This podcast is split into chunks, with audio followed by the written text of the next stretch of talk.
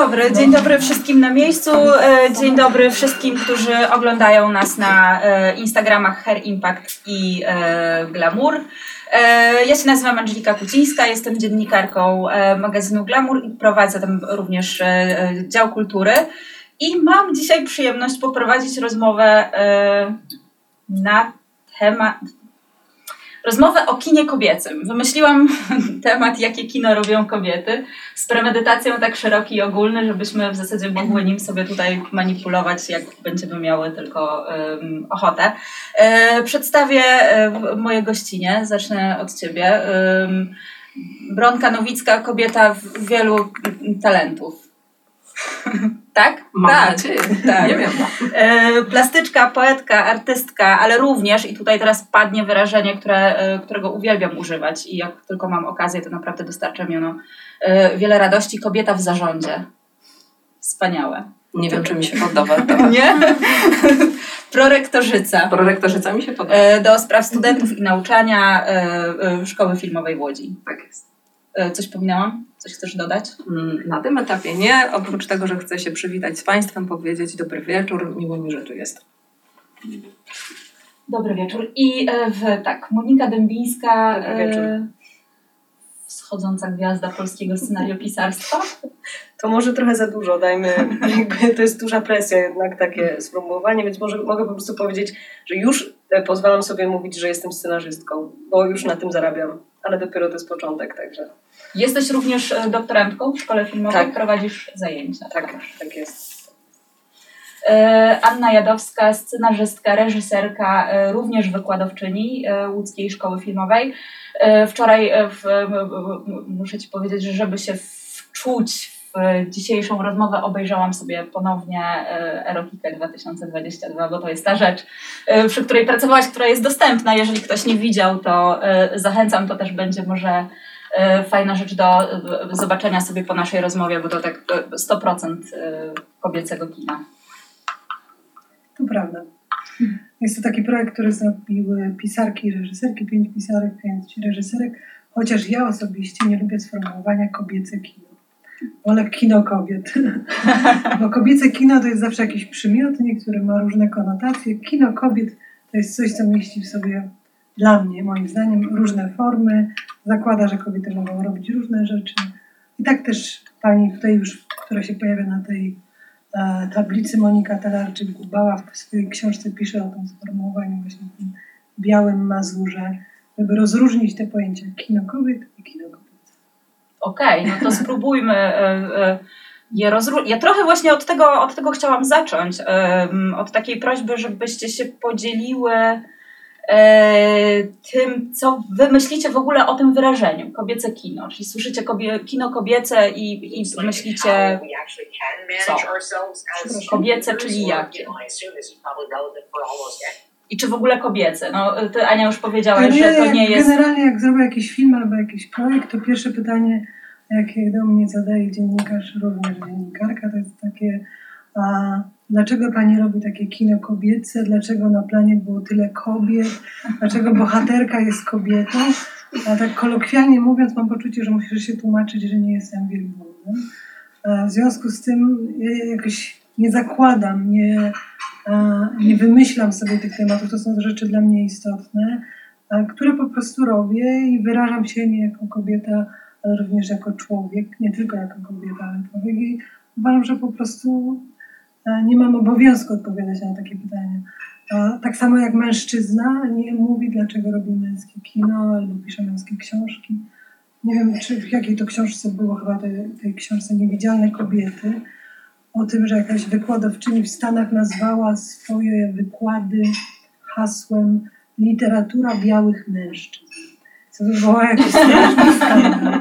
A jest mnóstwo festiwali kina kobiecego, filmów zrobionych przez kobiety. No, jakoś ta nierówność niestety funkcjonuje w przyrodzie. W naszym kraju jest ona szczególnie widoczna. Ale myślę, że dla mnie ważne jest, żeby rozróżniać kino kobiece i kino kobiet. Kino kobiet to jest takie kino, które mieści w sobie wszystkie gatunki, od kina wojennego, które robią świetnie też kobiety, po poezję śpiewaną, co mnie się kojarzy z, koje, z kolei z kinem kobiecym.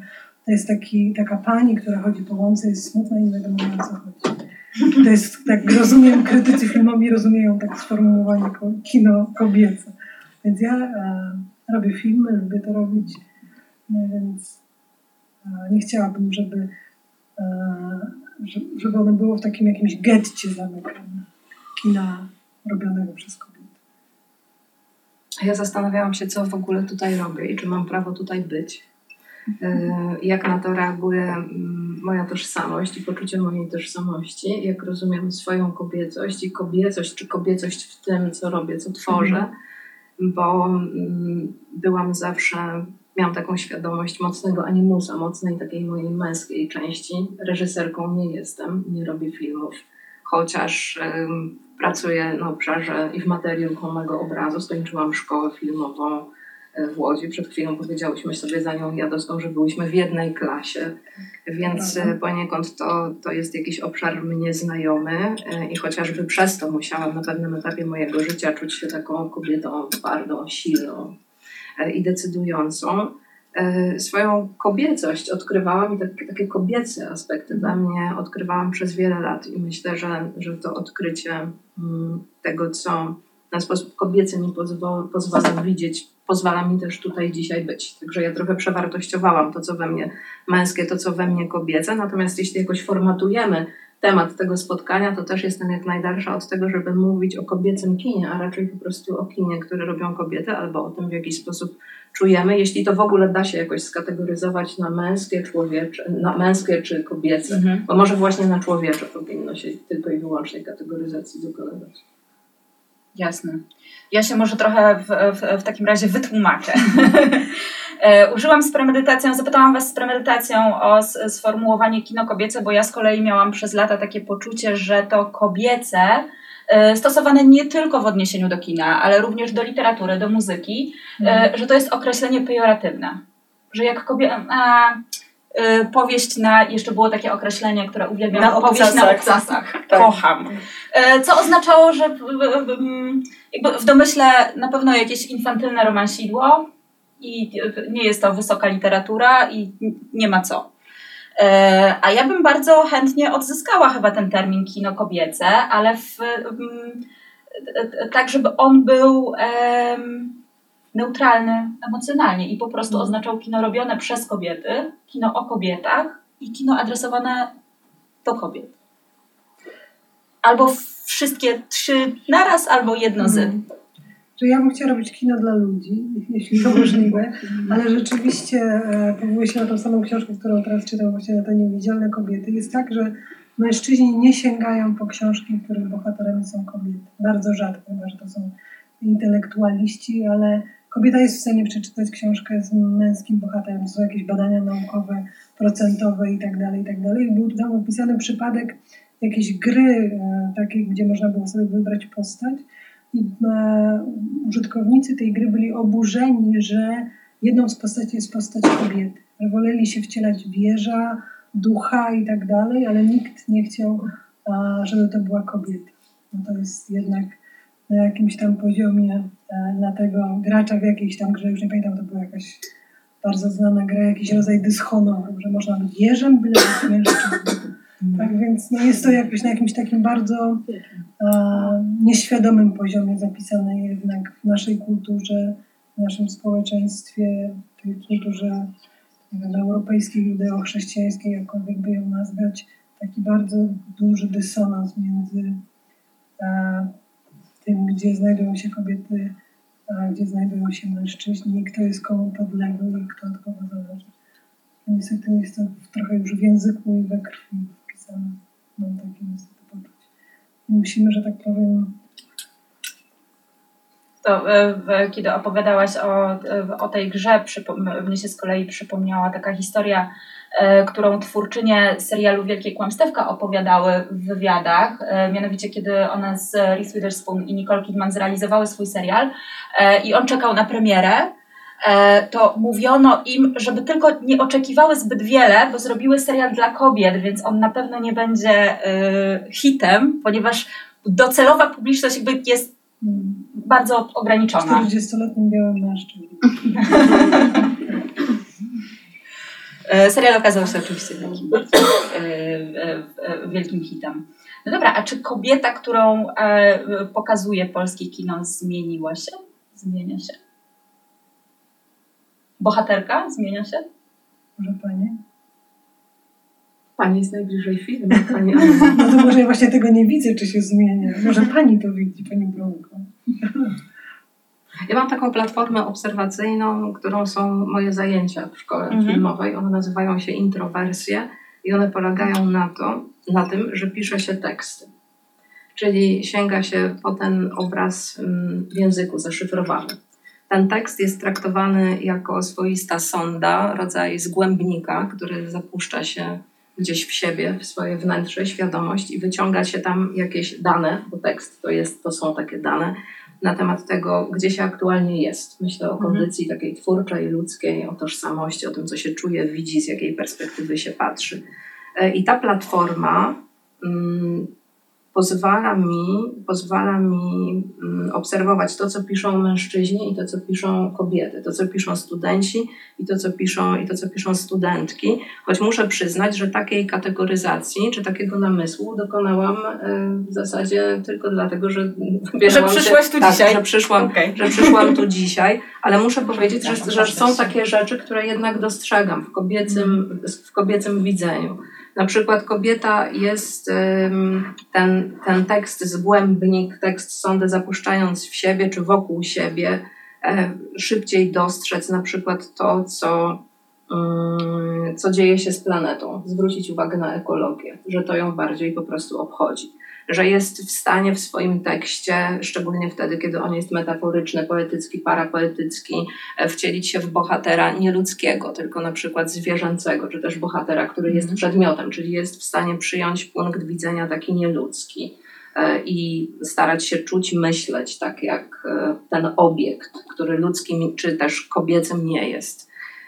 Że z całą pewnością jest bliżej takiego paradygmatu, którego zdaniem, no nie wiem, psycholożek współczesnych, jungistek, na przykład nie wiem, Marion Woodman czy, e, czy pani Mardok potrzebuje świat, czyli takiego, Mhm. czyli takiego archetypu bardziej kobiecego, opiekuńczego, mm, przygarniającego, matkującego jest w stanie bardziej kobieta dotknąć ze względu na swoją kobiecość i o tym też pisać, jakby bardziej świat przytulać, bardzo wnikać w to, jakie on ma bolące miejsca, tak?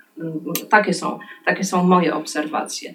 Ale mam też jedną obserwację dotyczącą samej linearności tekstu, takiej samej, e, samego sposobu, samej poetyki opowiadania. Jeśli oczywiście na takie kategoryzacje mogę się posilić, choć, choć, y, y, choć im bardziej w nie brnę, tym gorzej się chyba czuję i muszę się z tego zwierzyć. Wydaje mi się, że mężczyźni e, piszą w sposób bardziej linearny, opowiadają w sposób bardzo, bardziej linearny, wychodzą z jakiegoś punktu A, idą przez K, M, L i dochodzą do Z. Natomiast kobiety są skłonne chyba bardziej taką efemeryczność w świecie dostrzec, to y, opowiadać na sposób może bardziej taki poszatkowany, fragmentaryczny, taki bardziej, taki bardziej podobny może do impresjonizmu niż do klasycznego malarstwa takimi długimi kreskami mm, robionego. Więc takie są, takie są moje obserwacje, ale one mogą być absolutnie chybione. Się tu dodam tylko, przepraszam, do tego, co Bronka powiedziała, bo ty uczyłaś nazwiska tej Moran Mardok od tego portretu kobiety, który jest odpowiedzią na portret To się podróż- nazywa, podróż nazywa bohaterki, bohaterki, tak. tak. bohaterki. tak. Odpowiedzią na, Tak. na podróż Na bohatera Campbella. Dokładnie. I ona też mówi o tym, że podróż bohatera męskiego to jest podróż linearna. On idzie z punktu A, spotyka coś tam, dociera, buduje coś tam. Natomiast podróż kobiety jest na kole. Ona wraca do miejsca, z którego jakby wyszła. Tak? Ta podróż do tego procesu indywiduacji według Junga, czyli dojrzewania, odbywa się u kobiety na kole. Wracamy do miejsca, z którego wyszłyśmy jakby do natury, do, do takiej bazy podstawowej. W związku z tym ten, to podejście do tekstu, o którym mówisz, może też z tego wy- wynikać, że ten rozwój nasz wewnętrzny jest zupełnie inaczej zbudowany. Nie jest właśnie linear- linearny, przyczynowo-skutkowy, tylko właśnie bardziej głęboki, wewnętrzny. Ale może też jesteśmy sobie w stanie na większą fragmentaryczność widzenia, również widzenia siebie czy własnej historii pozwolić, co może mieć jakieś narracyjne odzwierciedlenie, że te nasze narracje mogą być bardziej takie krotochwilne, takie bardziej efemeryczne, nie wiem, podzielone na, jakoś, jakoś tak specyficznie zczapterowane. Tak mi się wydaje. Podobnie jak książki, podobnie jak dramaty, które piszą kobiety. Że tam linearności ja dostrzegam, dostrzegam mniej niż w opowieściach męskich. Może to się wiąże z naszą wrażliwością i z takim, może to mogłabym nazwać takim kobiecym, kobiecym punktem widzenia, czy kobiecą perspektywą, która może się w jakiś faktyczny sposób przełożyć na narracje, które od nas wychodzą. Tak, ja myślę, że ten, to jakaś rodzaj, to znaczy ja osobiście nie wierzę, że kobieta jest bardziej wrażliwa od mężczyzny, czy też bardziej empatyczna z natury. Oczywiście sądzę, że to jest y, wyuczone, ale myślę, że to fakt, że jakby my tej empatii jakby jesteśmy uczone, że jesteśmy w ten sposób prowadzone, że y, jesteśmy y, y, jakby namawiane, czy też skłaniane do tego od samego początku życia, żeby, żeby być bardziej otwarte i, i wrażliwe na swoje własne emocje, że my możemy płakać, że my możemy okazywać, znaczy po prostu znacznie szerszą gamę emocji niż mężczyźni, to być może jakby to też jest jakieś bogactwo, z którego w ten sposób możemy czerpać i to przynosi właśnie taki skutek, o którym opowiadasz.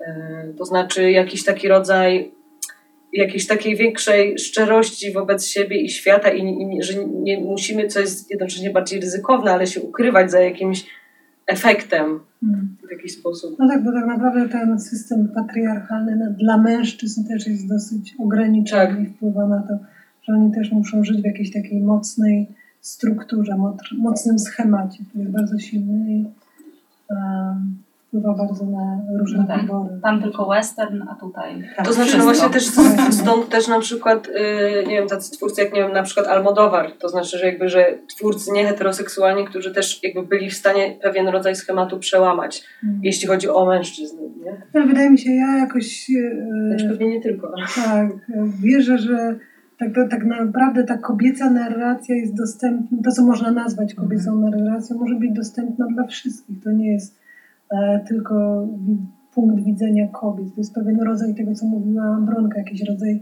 empatii, wrażliwości, otwartości na drugą osobę, na coś właśnie nieludzkiego, na przyrodę, na naturę, jakiś taki złożony obraz świata, niejednoznaczny bardzo, złożony z paradoksów. To, to jest możliwe dla wszystkich. A gdzieś kobiety mają to jakoś silniej w tej chwili, e, takiej nie wiem, grupowo to można jakoś zauważyć. Natomiast to nie jest coś niedostępne dla innego człowieka. Mhm. I myślę, że my sobie też coraz bardziej pozwalamy na to, żeby ten nasz sposób widzenia, ta migotliwość perspektyw, które jesteśmy w stanie przyjmować, wchodząc w to, co, nie wiem, zwierzęce na przykład, tak, to, co, w co przedmiotowe, w co, co inne, odmienne, że ta migotliwość może się bardzo z taką dużą łatwością przekładać na migotliwość poetyk, na to, że my właśnie nie od punktu A do Z piszemy, tylko że opowiadamy w sposób bardziej rwany, w sposób nielinearny i dajemy sobie prawa do takich narracji. Mogę coś przeczytać? Pewnie, zapraszam. To jest, e, to jest tekst, który, który ja muszę z konieczności, bo on jest dłuższy, poddać pewnemu montażowi. Ta, ta niebieskość to ten montaż właśnie. To jest tekst Ani Morawiec, absolwentki naszej uczelni. Tekst, który, który bardzo cenię, który właśnie o takiej migotliwości mówi i o czymś takim, co ja uważam za bardzo specyficzne dla pewnej wrażliwości, która być może jest kobiecą. Być może nie. Ja myślę, że ona jest szerzej jednak dostępna dla, dla różnych obiektów ludzkich, ale jednak jakoś z taką kobiecością i wrażliwością kobiecą mi się kojarzy. Ania pisze tak. Skonsultowałam ten montaż wczoraj z autorką. Dosłyszałam kiedyś, pani jest jak żywe mięso. Albo sama to powiedziałam w jeden z tych dni, które chodzi się po, po świecie jak koń ze spuszczonym łbem. Jestem wrażeniożerna. Czuję siebie jako istotę żującą, przeżuwającą, mielącą, tłoczącą, tarzającą się. Lubię bardzo ostre przyprawy, lubię przesterowane dźwięki, smary, anioły, brud, błąd i niespodzianki. Najbardziej lubię ziemniaki, cebule i buraki, dworce, biedronkę, tężyznę fizyczną, przestrzenie, słońce. Nie lubię ran, ale lubię siniaki i blizny, i dziury w ubraniach, dachy. W muzyce szukam tego, co drapie mnie w duszę. Rzeczy letnie mnie nie grzeją. Lubię myśleć o swoim ciele, duszy i umyśle jak o rozciągliwej gumie. Ta pompa rozciągnięć i kurczeń jest dla mnie esencją sprawy. Ten ruch i to, czego mogę się z tej dynamiki dowiedzieć o sobie i świecie, jest dla mnie esencją sprawy. Czasem w tym naciąganiu ciała i duszy dostaję w łeb, szeroką pałką do krykieta. Ale ludzi dobrej woli jest więcej. I to zawsze ta myśl zostaje mi, mm, zostaje mi z wahań i bólu odcedzona jako najważniejsza, jak w sitku bursztynnika. A później jeszcze przeczytam kolejny kawałek tekstu, który mówi o, tej, o tym, jak się ta wrażliwość migotliwa na narrację może przyłożyć. Dawkujesz nam. No muszę wam dawkować. E, no dobrze, słuchajcie, to ja jeszcze bym zapytała e, w, e, Monikę i Anię a propos, mam pytanie odnośnie waszej pracy ze studentkami i studentami szkoły, bo Bronka tutaj już trochę opowiedziała o swoim, o, o swoich zajęciach. Co widzicie, nie wiem, fajnego, nowego? E, widzicie jakąś zmianę w nowym pokoleniu e, twórczyń, dziewczyn, które, e, z którymi pracujecie na co dzień w szkole? No w tym roku był taki kasus, że z Polski dostało się do szkoły 7 dziewcząt, tylko, tylko dziewcząt. To było pierwszy raz od, od wojny, więc jest to ewenement. Wprawdzie nie mamy na pierwszym roku reżyserii samych dziewcząt, bo są jeszcze studenci zagraniczni, jest dwójka chłopaków, ale większość jest dziewcząt. I jak obserwowałam te egzaminy, byłam na końcowym etapie egzaminu, to wydaje mi się, że dziewczyny zyskują, mogę się mylić, dziewczyny zyskują na jakiejś takiej mniejszej pewności siebie, dlatego że przychodzą diabelsko przygotowane. Mam wrażenie, że mężczyźni, chłopcy, którzy zdawali, e, których widziałam na trzecim etapie, więc to nie jest jakaś średnia statystyczna, że byli bardziej e, nastawieni na to, że coś powiedzą, jakoś to będzie, może się uda. Dziewczyny przychodziły z jakimś planem, realizowały go, były zdesperowane, chciały. W mężczyznach był taki rodzaj jestem. E, Natomiast e, nie we wszystkich oczywiście, ale jest jakiś taki, jak to się mówi w odniesieniu do scenariusza, większy mit w dziewczynach. Jest jakaś taka większa potrzeba. Zresztą no, trochę tak jest, że my musimy więcej udowodnić. Tak, to, to widać też tą ambicję. Ja to widzę też nie tylko, znaczy ja, ja ze studentkami mam zajęcia dopiero od trzech lat i w zasadzie większość to są moje rówieśniczki, bo jestem dosyć młodą doktorantką, ale widzę to też wśród swoich koleżanek. Ja robię filmy tylko i wyłącznie z dziewczynami, mam kontakt z dużą ilością dziewczyn, które też pracują na planach filmowych w innym zakresie, bo myślę, że to jest też bardzo ważne, żebyśmy dzisiaj jakby wspomniały chociaż o tym, że jakby ko kobieta filmowczyni to nie tylko kobieta, która tworzy, ale też kobieta, która pracuje na planie, w, jakby w każdym pionie. Są też piony, w których kobiety zazwyczaj nie pracują, ale no to to jest jakiś... W każdym razie, mm, że te, gdzieś tam się zgadzam się z Anią, że, że widać jakiś taki rodzaj, że my wiemy, że musimy walczyć dwa razy bardziej i, i to naprawdę widać. Ale jeśli chodzi o to nowe pokolenie, to z kolei ja mam taką refleksję, ponieważ ja jestem milenialsem. I już jest tak, że ostatnio na zajęciach poznałam nową grupę, no i oni już są urodzeni po 2000 Gen Z. roku. Już jest to Gen Z słynne i ja przyznam, że jestem fanką, e, bo u, to znaczy u nich już te pewne rzeczy, być może u nich już wyrażenia typu Woody Allen w spódnicy, jakby no, to nie są być może wyrażenia, z którymi oni dorastali. Widzę, że u nich jakieś tam role płci, jakieś, ale na, na, naprawdę widzę, że oni to inaczej już rozumieją. Chłopaki malują sobie paznokcie i tańczą na dyskotekach i to znaczy naprawdę, i, to, to, to brzmi banalnie, ale moim zdaniem to jest szalenie ważne, noszą długie włosy i, i są jakby inni, pokazują się od strony wrażliwej. I mają inny w ogóle z dziewczynami jakiś taki, jeszcze nie, nie mówię o tym jakoś bardzo konkretnie, bo jeszcze tego dobrze się temu nie przyjrzałam, ale widzę, że oni są inni od nas i że oni no, będą mieć inne problemy, ale być może te problemy, z którymi my w poprzednich pokoleniach się zmagałyśmy, no już powoli gdzieś tam to się będzie zmieniać. E, Czy ty powiedziałeś, że e, pracujesz wyłącznie z kobietami właśnie przed chwilą? To jest, E, to to jest- decy- decyzja, taki plan? To jest trochę przypadek w sumie. To znaczy, ja nie, tego nie zaplanowałam, ale ja, jak myślę sobie o, o kolegach, e, czy z- to z reżyserii, czy, czy z.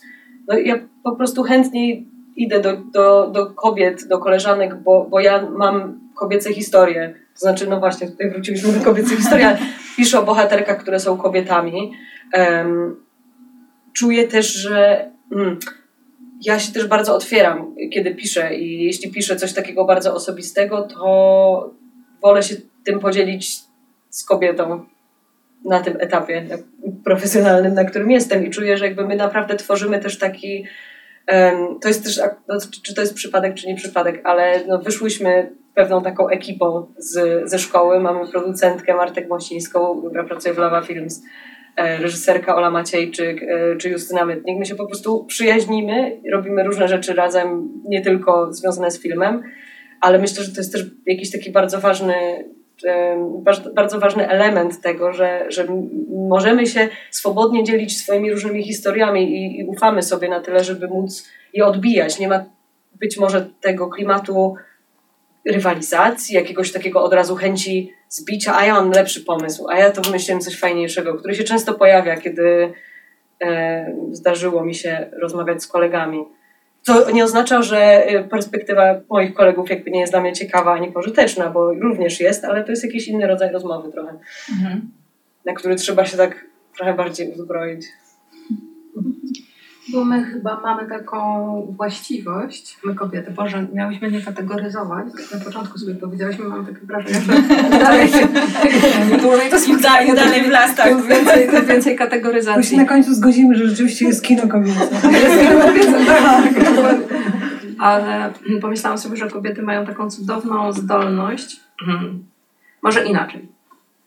Kobiety częściej mają taką zdolność, jeszcze inaczej, częściej obserwuję u kobiet zdolność do obkurczania ego. Mhm. A ego y, to jest czasem taka szyba, która po prostu mm, u, niektórych innych istot nie jest tak y, przeźroczysta. Nie jest tak przeźroczysta, żeby, mo, mo, mo, żeby za tą szybą było widać innych ludzi, y, świat. Mm, I trudno po prostu przyłożyć nos do tej szyby i coś tam zobaczyć. Je- Jest to po prostu czasem ta szyba staje się ścianą, kiedy ego nie podlega jakiemuś obkurczeniu, więc y, to mnie chyba najbardziej o jakich cieszy. istotach mówisz. E, O tych innych istotach, które mają problem z obkurczeniem ego. Tak? Ale jednocześnie jest to, jest to Są też istoty z ego kurczliwych i mniej kurczliwych. No więc, albo sytuacyjnie kurczliwe. albo sytuacyjnie kurczliwe. Też jakby pisząc ono się może tam. Ale wydaje mi się, że to też jest taka, taka rzecz, która pomaga jednak, która jest też trochę potrzebna, żeby, żeby, żeby zawalczyć, żeby zaistnieć. I to też jest być może coś, z czym, z czym możemy mieć trudność po prostu tak. e, Już nawet nie chodzi o, o jakby samą twórczość, ale jak, jak z tą twórczością jakby wyjść gdzieś dalej, no nie? Jakby to trzeba też przez wiele barier pokonać. Ale żeby... to widzisz, trochę o tym e, myślałam, kiedy Ania opowiadała o tym, jak wyglądały egzaminy w tym roku i jaka była różnica pomiędzy e, dziewczynami, a pomiędzy kobietami a mężczyznami e, zdającymi e, do szkoły. I to jest trochę tak, że z jednej strony na początku mówiłyśmy o wrażliwości, empatii i e, e, ty powiedziałaś o tym wyuczeniu, e, że to nie płeć determinuje, ale to wyuczona płeć. I tak, kobiety są socjalizowane do e, relacji, stąd pewnie nasza empatia, opiekuńczość i tak dalej.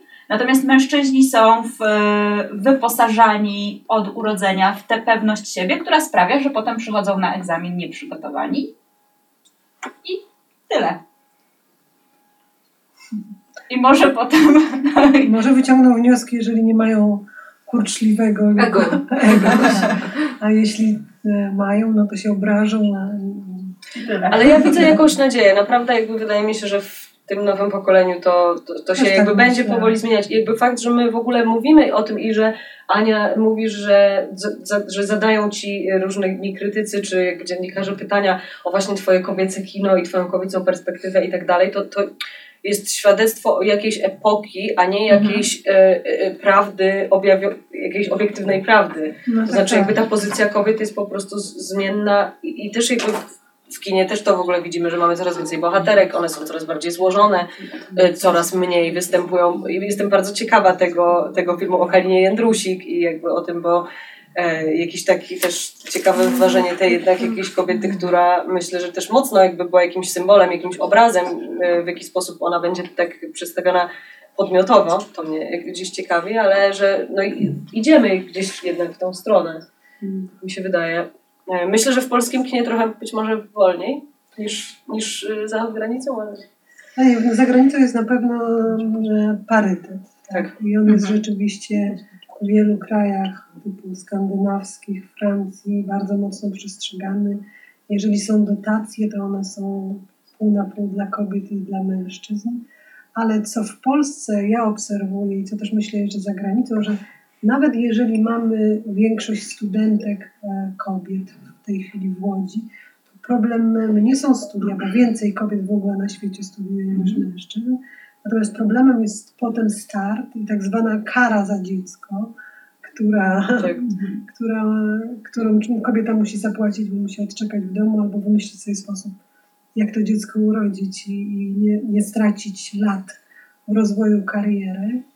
E, Ale też e, w przypadku filmu w wszystkich e, większości instytucji zarządzających finansami, w festiwalach filmowych, większość stanowią mężczyźni.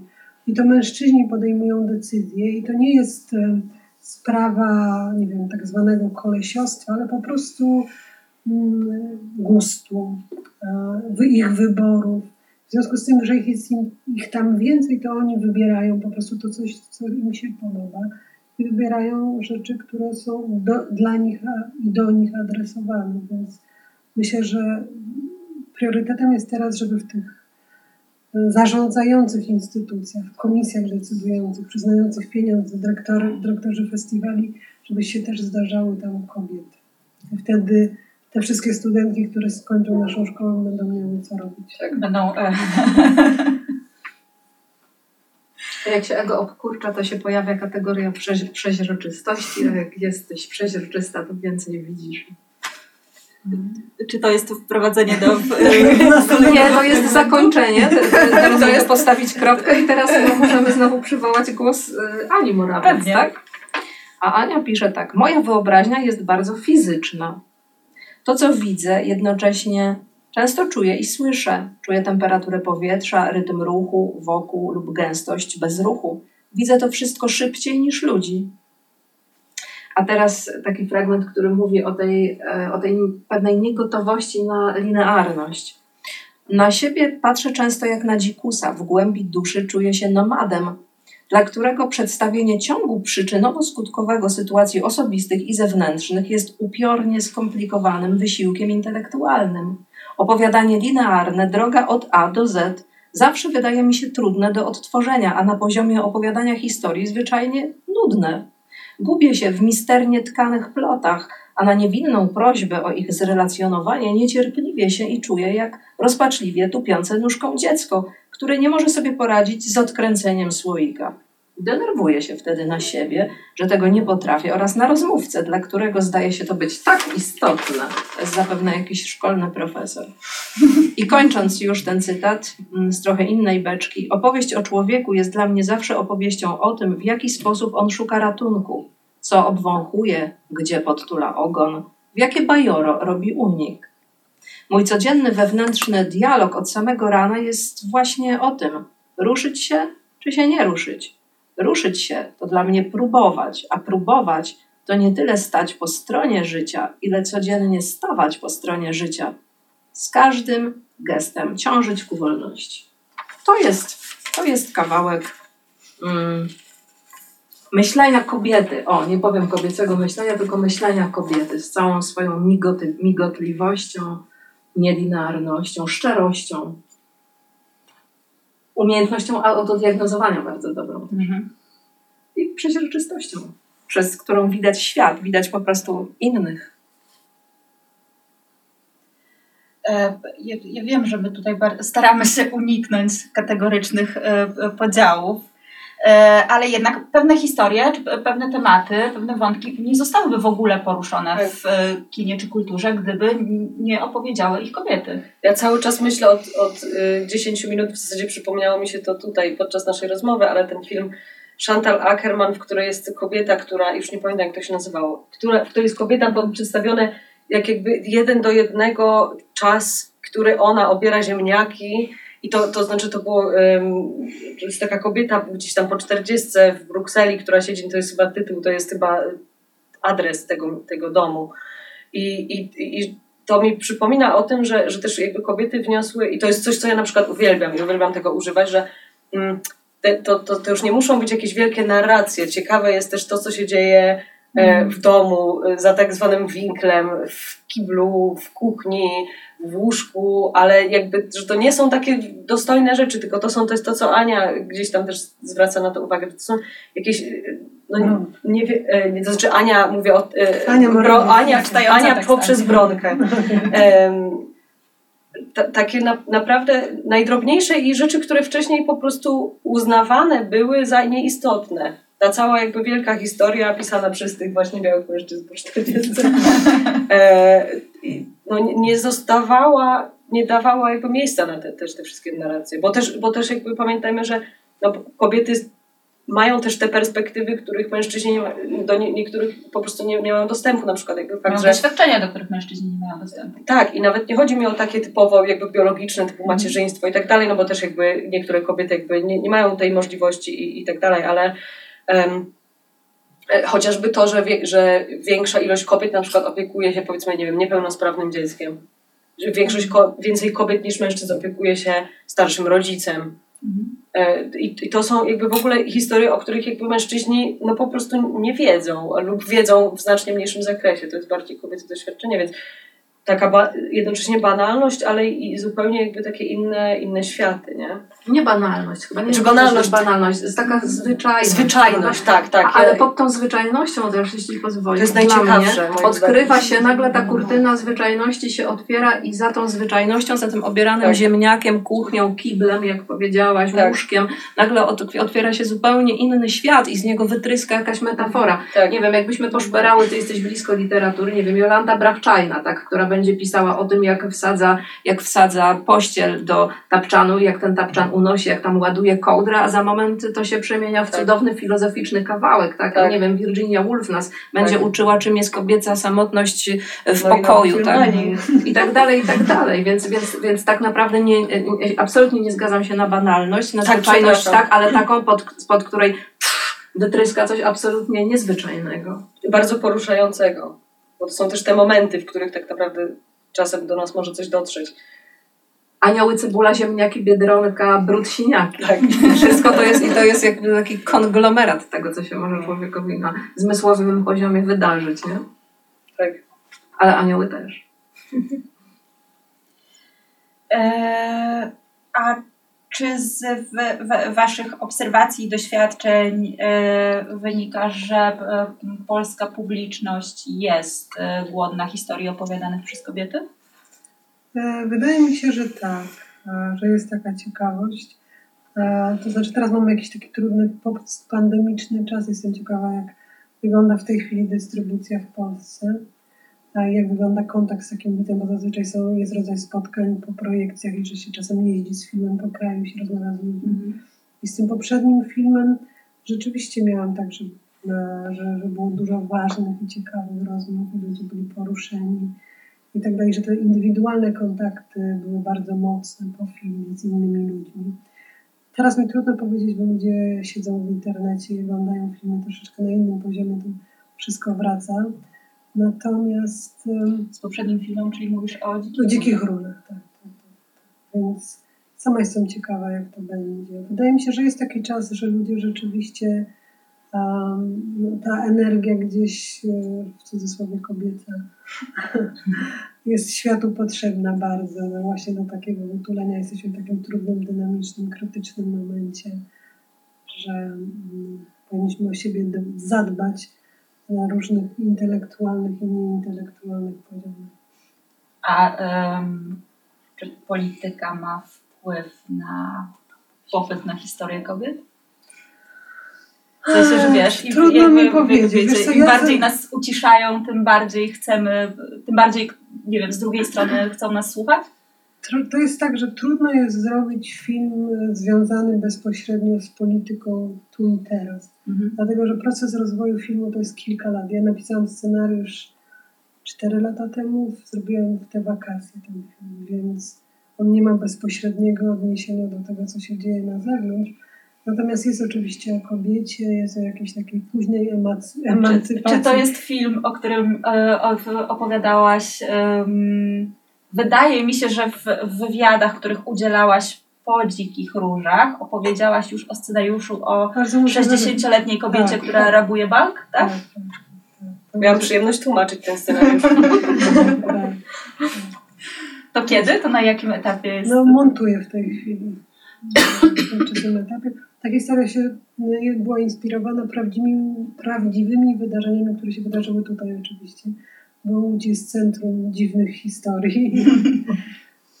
Ale oczywiście moja historia jest zupełnie czymś innym, ale rzeczywiście 60-letnia kobieta napada na bank. A zaczyna się bardzo długo od tego, jak gotuje w kuchni, wiesza pranie. Pół filmu właśnie jest tak opowiadane. Bardzo z takiej zwyczajności. E, No Ja myślę, że też po prostu polskie widzki mają e, najzwyczajniej na świecie więcej kasy i jakby same mogą zdecydować na co idą do kina, więc jakby myślę, że po części tak. Odpowiadając na twoje pier- Mhm. poprzednie pytanie, jeśli, czy jest większy popyt, no gdzieś pod tym względem myślę, że być może będzie, bo, bo ja chętniej pójdę na taki film niż na inny. To jest może takie trochę przyziemne wytłumaczenie, ale wydaje mi się, że jakiś sens w tym jest. Boję się, że większość pójdzie na Patryka Wegę, ale, ale cóż, no tak, tak, w takim kraju przyszło nam żyć. bardzo nie chcę, żeby to była puenta, wiem. Ach, no to nie wiem.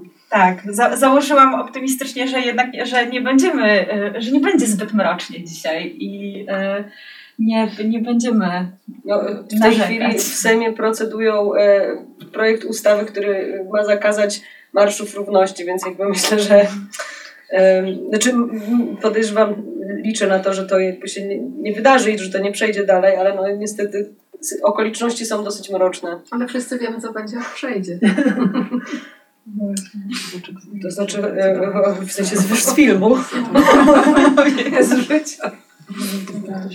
Tak, ale sytuacja kobiet w Polsce, jeżeli chodzi o politykę i takie społeczne naciski, mimo tego, że jedna fala jest wznosząca, to z drugiej strony te naciski są bardzo silne i to, co się stało właśnie, czyli ten zakaz e, aborcji i tak dalej, i e, stosunek do kobiet, e, polityków, to jakby nazywanie rzeczy, to co powiedział Kaczyński o tym, że każda przeciętnie rozwinięta osoba będzie wiedziała, jak zrobić aborcję za granicą, to jednak świadczy o takim braku szacunku do strony, z którą się porozumiewają i z którą rozmawiają.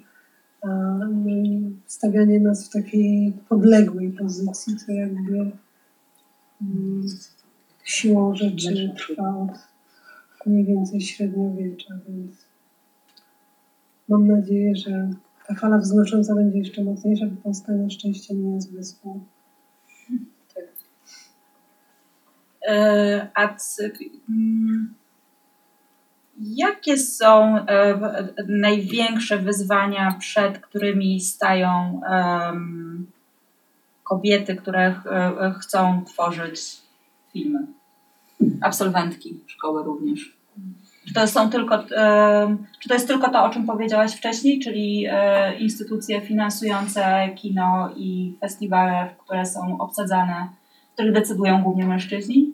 Znaczy ja myślę, że te jeszcze? ekonomiczne problemy, się, znaczy z perspektywy osoby, która niedawno skończyła szkołę, no te ekonomiczne jakieś problemy są y, no, takie bardzo jakby to, to są też takie przyziemne sprawy, no bo jakby zanim się w ogóle zrobi ten film, te, zanim się ten debiut w ogóle zrobi, no to można też zrobić jakiś film po, po szkole, ale no jakby też z czegoś się musisz utrzymać typu na co dzień. Typu, że zapłacić za ten miesiąc mieszkania i coś zjeść i być może masz partnera albo partnerkę, a może chcesz zaplanować rodzinę. I, i, i te takie na, naprawdę jakby przyziemne rzeczy, że, że jakby musisz znaleźć jakąś pracę po szkole, to znaczy jakby, że y, jakiś taki, ja na przykład zdecydowałam się pójść na doktorat, ponieważ wiedziałam, że wtedy będę miała stypendium i będę mogła spokojnie sobie tworzyć. Ale y, na przykład zważywszy na to, że chociażby za scenariusz się dostaje płatność zazwyczaj w trzech albo czterech ratach, które są bardzo porozbijane i to jest na takiej zasadzie, że ja na dzień dobry piszę przez dwa lata za darmo zupełnie, zanim mi ktoś w ogóle zapłaci podpisując ze mną umowę. I to dotyczy nie tylko y, kobiet, ale też mężczyzn, no bo, ale mm, no wydaje mi się, że, że takie, te, taki, taki ekonomiczny jakby tutaj taka bariera, no ona gdzieś istnieje i zdecydowanie jest, jest po prostu, myślę, że też trochę niezależnie od płci, może to się gdzieś jakby krzyżuje, ale no, że wciąż jest łatwiej osobom, które mają em, zaplecze finansowe e, ze swojego domu rodzinnego e, po prostu jakby tworzyć. Niestety, jakby niestety tak jest. Więc jakby nie, nie wiem na ile jest to związane z płcią. Ja chciałam powiedzieć troszeczkę o innym aspekcie, e, że wydaje mi się, że jest tak troszeczkę, jak powiedziałam wcześniej, czyli że te gremia decydujące są głównie obsadzane przez mężczyzn, że w przypadku ostatniego filmu, e, tych dzikich róż, które zrobiłam parę dobrych lat temu, w PISFie e, system ten weryfikacji projektów, które dostają pieniądze, polega na tym, że najpierw jest lider i kilku ekspertów, oni kierują to do drugiej komisji, gdzie już są sami liderzy i dyrektor, e, czy tam dyrektorka PISF-u. E, I e, moim projektem, mój projekt był w komisji Agnieszki Holony, i potem Agnieszka była w tym gremium decydującym. I ona po, potem opowiadała mi, co tam się na tej komisji działo, i ona mu powiedziała, słuchaj, pierwszy raz w życiu zobaczyłam, że faceci nie rozumieją, o co chodzi. Że ja im po prostu musiałam wytłumaczyć, o co w tym scenariuszu chodzi. A Oni widzieli tam piękne opisy przyrody, e, właśnie bohaterka chodzi. e, I wtedy e, mówi, że poczuła, że no, jednak ta równowaga jest tam konieczna, że jakoś ten świat sobie nawzajem możemy objaśniać i pokazywać różne strony, różne perspektywy. Wierzę, że to nie jest tylko sprawa płci, ale wrażliwości, empatii i tak dalej. Ale e, myślę, że Polska jest jednak takim silnie patriarchalnym, klasycznym dosyć społeczeństwem, że te e, takie pojęcie kulturowe płci jest bardzo, bardzo silne. Coś optymistycznego, Co można robić? Co, co z tym robić? Co z tym robić? no, Znaczy, ja, ja wierzę w parytet jako, jako tego typu narzędzie, no bo, bo być może jakby fajnie by było żyć w takim świecie, w którym jakby liczy się faktycznie, tak jak mówią przeciwnicy parytetu, że e, no bo to e, chcielibyśmy, żeby najlepsze osoby się nie dos- dostawały, a nie, że musimy na siłę dobrać kobiety, żeby było 50%, no ale to jest Ale to się bzdura. nie wydarzy, dopóki patriarchat Doku- nie spłonie. A, a on spłonie dopiero wtedy, jak się zacznie od tego parytetu. Możemy więc tak, jakby- spalić parę no, to, to, Ja myślę, że można na pewno lepiej wychowywać dzieci, to znaczy nie ograniczać y, do takich charakterystycznych y, cech płciowych i tak dalej, tylko iść za tym, co dziecko samo chce i też y, uczyć wrażliwości, empatii, opowiadać o własnych emocjach, żeby dziecko mogło zrozumieć y, swoje własne, więc jakiegoś takiego głębokiego, bliskiego kontaktu uczyć od dzieciństwa i potem to e, zaprocentuje, bo tak są wychowywane dzieci na całym świecie. My jednak jesteśmy, i szkoła podstawowa uczy właśnie takich, że nauczyciel jest osobą, do której się trzeba zwrócić w odpowiedni sposób, już nie mówiąc o księdzu, więc, e, więc dopóki nie odpuścimy tego, że ktoś musi mieć kogoś nad sobą, a będziemy się porozmawiać na bardziej partnerskim poziomie, to myślę, że gdzieś te balanse energii się wyrównają, mam nadzieję. Ja jak mojego, mojemu dziecku powiedziałam, że czasem jest tak, że kobiety zarabiają na tych samych stanowiskach mniej niż mężczyźni. Powiedział, Jezu, przecież to jest głupie. Więc dla niego to było bez sensu od razu. Nielogiczne, kompletnie, tak. Ale możemy uczyć tego nie tylko, to, tego o czym ty mówisz, Aniu, nie tylko w domach i nie tylko w szkołach podstawowych, ale w szkołach. Tak. My jesteśmy w szkole, my wszyscy pracujemy w szkole, Tak. jesteśmy bardzo żywo z tą szkołą związane. To, to jest nasza szkoła, tak? Która, która, która nas wydała, ale też teraz się nią w inny sposób opiekujemy i wydaje mi się, że im więcej w tej szkole będzie, im bardziej będzie kładziony nacisk na zespołowość, na to, żeby mm, na współpracę, również na współpracę międzywydziałową, Mhm. na, na różne punkty widzenia, na różne perspektywy, na takie ćwiczenia, na takie zajęcia, na przykład pompka do obkurczania ego, prawda? Albo na takie zajęcia przeźroczystość. A jest taka Albo- pompka? Można ją skonstruować. Przy odrobinie dobrej woli można ją skonstruować. I myślę, że też szkoła i szkoła filmowa też powoli staje się miejscem do, do tego typu praktyk. Ale jest też coś takiego, takie zjawisko w, w filmie, że kiedyś reżyser był uważany za takiego demiurga, kogoś, kto mu wiedza i scenariusz spływa z niebios i on to po prostu na planie, nie konsultując z nikim, głównie wrzaskiem, oddaje i za pomocą ekipy realizuje swoją demiurgiczną wizję. Tak. Teraz już troszeczkę tak nie jest. Znaczy ja mam poczucie, że film to jest wypadkowa osób, z którymi się spotykam na planie, z którymi współpracuję. Mam operatora, operatorkę, rozmawiam z ludźmi, mam aktorkę, która też bardzo dużo wnosi do tego, co ja zrobiłam. To nie jest tylko moja wizja, bo tak się nigdy nie da zrobić. To, ten film, którego mam, który, który mam w głowie, nigdy nie nakręcę. Zawsze to jest jakaś, jakaś wypadkowa czegoś, a jeżeli wezmę więcej od ludzi, tym bardziej to będzie złożone, tym bardziej to będzie skomplikowane, tym będzie to pełniejsze. Więc, więc to jest jakaś taka praca zespołowa. Tak samo jak robienie gazety pewnie. To jest też dosyć duża presja, jeśli, bo my też w ten sposób mam wrażenie, jak się przychodzi do szkoły, czy też w tym czasie, kiedy ja przyszłam, ja bardzo mocno wierzyłam, że tak jest. To znaczy, to znaczy jest tak, jak mówisz, że faktycznie jest ten reżyser, jakby twórca, reżyser, mężczyzna, twórca, który jakby właśnie wymyśla wszystko i to jest jakby wszystko ten reżyserski film, i jakby, ale cały w ogóle w pewnym sensie jakby system był temu podporządkowany, ale myślę, że to nie tylko z perspektywy um, no, jakichś takich no, faktów, że po prostu jakby tak ta, po prostu nie jest, póki jest ekipa i póki jakby musisz z, z tymi innymi ludźmi, ludźmi współpracować, ale że to jest też ogromna presja na młodych twórców, jakby, że, że twórcy jakby wierzą, że tak są, a być może by nam trochę też spuściło z tonu, gdybyśmy na dzień dobry wiedzieli, że to jest coś, że my musimy współpracować i że ta współpraca jest wartością, a nie, że wartością jest to, że ja będę półbogiem i wszyscy tak naprawdę przychodzą do szkoły, że moim zdaniem to jest jakby spora bolączka, y, moja również i innych osób. Tak jak pamiętam, że przychodzisz i jakby ja czuję, że już tylko ta, czekam na tą koronację, na tą złotą palmę po prostu, którą swoją drogą, y, to wczoraj się dowiedziałam na, y, na wystawie, która towarzyszyła festiwalowi Herdogs, który niestety dzisiaj się kończy w Warszawie, E, ale będą przyszłe edycje, także e, zachęcam. E, Ale będzie też, przepraszam, że ci przerwę, bo festiwal Herdox będzie miał kontynuację online. On, a, to Kończy się stacjonarna, tak, sta, sta, stacjonarna część tej edycji. Tak, w każdym razie wczoraj w ramach przygotowań do dzisiejszego panelu poszłam sobie przeczytać tą wystawę i dowiedziałam się tam czegoś, co tak niby jest, nie, może to wiedziałam wcześniej, może nie, ale em, że dotychczas tylko jedna kobieta wygrała Złotą Palmę w Cannes i była to Jane Campion.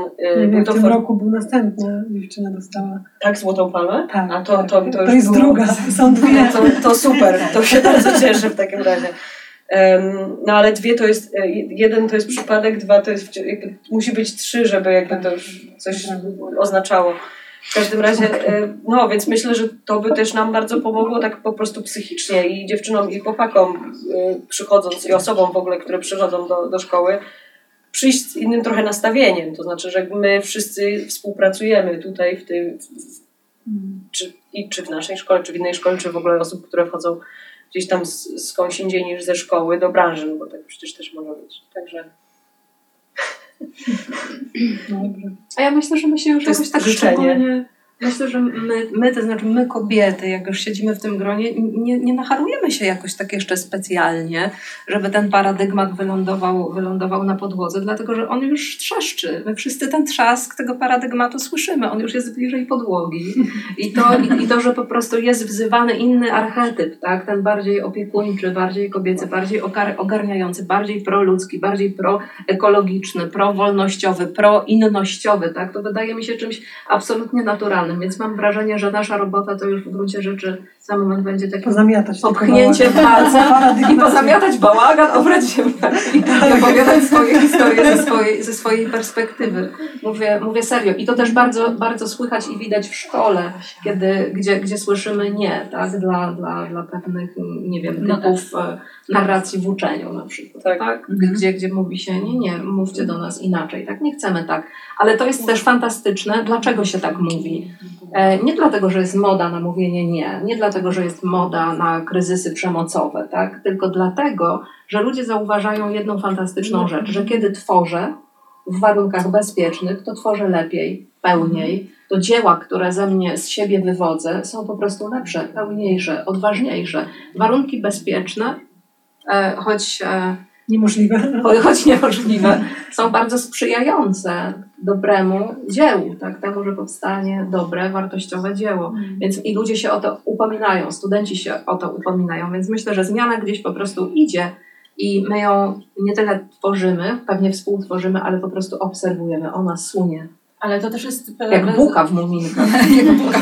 Zmiana pokoleniowa, prawda? Po prostu Też. ci młodzi ludzie, oni e, są świadomi nienaruszalności własnych granic, po prostu. No ja jeszcze dostawałam e, linijką w podstawówce, nie wiem jak ty Bronka, w łapę dostawałaś. No taką werbalną linijką w łapę to dostałam często, a taką prawdziwą chyba też, wiesz, chyba też. Więc jesteśmy jakby, ja jestem przyzwyczajona do tego, że ktoś ma nade mną władzę teoretycznie. Wiesz, jak jest zawsze ktoś silniejszy. To znaczy jeszcze może mo, mogłybyśmy być może to inaczej znieść, prawda? Ale, ale to pokolenie już mówi czegoś takiego absolutnie nie. Nie. I to cudowne. Czy co? Jesteście optymistkami, jeśli chodzi o polskie kino, kobiety w Czy polskim trzeba kinie? szczerze odpowiadać? Nie! Ja myślę, że jeszcze, jeszcze jednak myślę, że dużo pracy, że to nie będzie tak, ale że tylko raczej ty, tak. Ty jesteś najbardziej Ale- optymistyczna. Nie, nie wiem, czy optymistyczny, czy...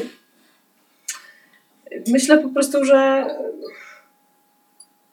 trudno mi wydawać sądy tak, tak, tak za całość. Myślę, że po prostu no, mamy ro, roboty do wykonania. Za siebie wydaj sąd.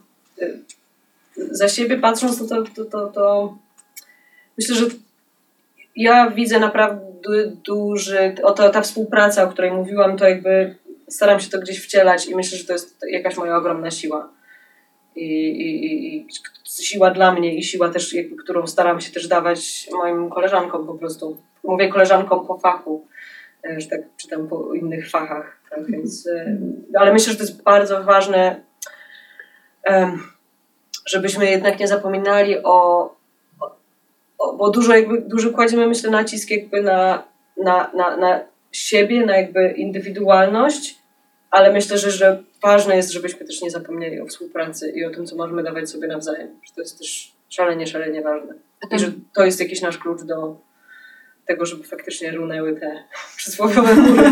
Nowe roczniki potrafią współpracować, prawda? Czy to jest coś, czego t- trzeba uczyć wciąż? Tego zawsze już- tego trzeba uczyć i tego jest ciekawie uczyć, bo my, my nie przychodzimy z takimi oczywistymi, gdzieś tam wymontowanymi podskórnie narzędziami do współpracowania, więc trzeba je spod tej, spod tej skóry wydobywać, opisywać, pokazywać, jak się tych narzędzi używa. Natomiast wydaje mi się, że ich predyspozycje takie prowspólnotowe są większe i trzeba z nich po prostu korzystać. To jest gotowy materiał, gotowy potencjał, który, który, trzeba, który trzeba uruchomić. Tak czuję. Tak nos mi mówi, intuicja kobieca. Jak mojej koleżance aktorce, aktor, e, reżyser na spektaklu teatralnym, na próbach na spektaklu powiedział, że właśnie nie może mówić, że coś czuje. Bo musi wiedzieć, czy coś wie. Protest song. tak. Nie może powiedzieć, że czuje. Ale to też się pojawia to zdanie w tej książce Natalii de Barbaro, Czuła przewodnicza. czuła przewodnicza. Błagam, mu, muszę coś powiedzieć. Właśnie, że możemy mówić, że coś czujemy i możemy w ten sposób wypowiadać swoje krytyczne myślenie, nawet y, mm, o jakimś dziele. E, Ponieważ istnieje taka kategoria intelektualna, która nas wspiera, która jest somatopoetyką. Somatopoetyka to zarówno, szczególnie w literaturze, pisanie o ciele, o cielesności, mm, takie cielesne, mięsiste metaforyzowanie, ale też to jest również krytyka i mogę krytykować za pomocą jakby tego, co we mnie psychosomatyczne. Mogę na przykład powiedzieć, wiesz Moniko, jak czytam twój scenariusz, to tak mnie przez cały czas Piecze w gardle. piecze w gardle. I jeżeli ja, o, i, no, wiecie, no, ileś tam lat temu to były po prostu żadne kobiece, być może intuicyjne bzdury i ciężki wstyd, tak? A w tej chwili, jeżeli ja to dobre, mówię teraz absolutnie serio, jeżeli ja będę to umiała dobrze jakby zintelektualizować, podeprzeć, odwołać się do nurtów istniejących współcześnie, to będę mogła powiedzieć, wiesz co, moja cielesność, moja psychosomatyczność, takie krytyczne poczucie do ciebie wysyła i czuję, że i to będzie równie prawomocne, jak u tego, który mówi, wiesz, myślę, że No bo to myślenie jakby też z czegoś wynika, prawda? Jakby też ja, ja widzę to też jako już osoba niedawno, która niedawno stanęła po drugiej stronie, czyli jakby, że też uczę studentów, co prawda jakby nie prowadzę scenariuszy, ale prowadzę zajęcia teoretyczne i widzę, że to jest też problem taki, jakby, że jako osoba ucząca jest też problem z ego, to znaczy jest coś takiego, że ja chcę być nieomylna, ja chcę być silna, ja chcę pokazać jakąś swoją władzę. I ja myślę, że to też jest istotne, że my się też staramy trochę teraz z tego gdzieś tam rezygnować i odpuszczać to, dlatego że to, to, to też jakby było niszczące i, dla jednej, i dla dru- drugiej strony. Y, I to wcale nie wspiera y, procesu nauczania i jakieś takie różne gierki czy zagrywki, które jakby niejednokrotnie, z którymi się nie, niejednokrotnie jako mm, młoda studentka spotykałam, no nie pomogły mi, tylko, tylko wzbudziły we mnie lęk i, i, i niepewność siebie i, i niechęć do tworzenia. Więc y, Ja też uczę od niedawna. Tak naprawdę znalazłam się w szkole dzięki takiemu naszemu jeszcze profesorowi Andrzejowi Melinowi, który mi pomaga przy moich scenariuszach. E, teraz pierwszy rok jestem jakby bez, bez niego. Na pierwszym roku reżyserii uczę razem z Magnusem von Hornem. I jakoś ja nie wierzę, że reżyseria to jest wiedza, którą ja mogę komuś przekazać, bo ja nie umiem powiedzieć, w jaki sposób ja reżyseruję, czy są pewne sformułowania, definicje e, pewnych rzeczy, ale ja też bardzo dużo uczę się od studentów i em, o samoobecność, rozmowa, kontakt z nimi to jest dla mnie coś bardzo budującego i w ogóle nie mam takich e, potrzeb pedagogicznych, żeby komuś coś do głowy włożyć. To dla mnie się gdzieś to staje zawsze na, na środku, na, na dialogu, na rozmowie, na jakimś takim kontakcie, na próbie zrozumienia, kim jest ten drugi człowiek, z którym ja rozmawiam, czego on tak naprawdę by chciał, w którą stronę z nim iść i tak dalej. Więc to jest, zupełnie nie jestem klasycznym pedagogiem i chyba nigdy nie będę, więc fajnie w tej naszej szkole. zapraszamy. zapraszamy. E, Ja a propos tylko tego e, e, czu, czucia, a wiedzy. Czuję to, wiem przecież. Czuję to wiem. Czuję to, wiem. Nie ma tego, nie, nie ma rozróżnienia. Bo jesteśmy psychosomatyczni. Emocje i fakty. I to też jest jeden z takich e, z jakichś takich bullshitowych rozróżnień, które nam wmówił patriarchat. że Znaczy, jest- w zasadzie myślę, że wiele osób, przynajmniej ja miałam, miałam takie, te, takie doświadczenie i widzę to też u różnych, no zazwyczaj też u członków rodziny, nie patrzeć. Nazwiska, imiona. Ale, ale że, że no, jednak jakby widać, widać taką tendencję, bo ona cały czas jest, że jakby zagłuszamy myślami swoje emocje i zagłuszamy myślami to, co czujemy, że na przykład jest słuszne czy niesłuszne. Racjonalizujemy sobie pewne rzeczy i jakby to jest też jakiś, też jakaś, jakiś rodzaj decyzji, no bo bardzo często nie wiem, co czuję. Nie potrafię tego nazwać, boję się tego nazwać, ponieważ jakby ktoś mnie nauczył, że to nie jest e, odpowiednie, że to, to, że to nie jest i, I ja w ten, w ten sposób jakby tracę kontakt z tym, kim ja tak naprawdę jestem, a to jest bardzo ważny element tego, żeby coś tworzyć, żeby coś powiedzieć, ale też nie tylko tworząc, wykonując w zasadzie jakikolwiek zawód, w ogóle istniejąc w świecie. Więc y, wydaje mi się, że to z tego względu jest ważne, żebyśmy po prostu jakby mm, no, mieli Myślę, że może e, naukę w szkole naszej powinna poprzedzać roczna terapia. Co to bronka na to jako prolektorka. Ja myślę, że terapia w ogóle powinna być na Ja obowiązkowa, tak. W Wykładowcy i, i uczy studenci. To bardzo śmiały plan, ale no, możemy się naradzić w tej sprawie. No dobrze. E, ja Wam bardzo dziękuję. Dziękuję. Dziękujemy. E, Dziękuję. Udanej narady a propos obowiązkowej terapii. Zaraz jak stąd. E, dziękuję również e, Dziękuję. w- Bardzo Wam. dziękujemy. Rozmawiałyśmy o em, kinie kobiet, e, aczkolwiek nie tylko. W pięknym kierunku się rozwinęła ta e, Tak. rozmowa. Dziękujemy. O wielości perspektyw chyba Tak. też rozmawiałyśmy. Dziękujemy bardzo.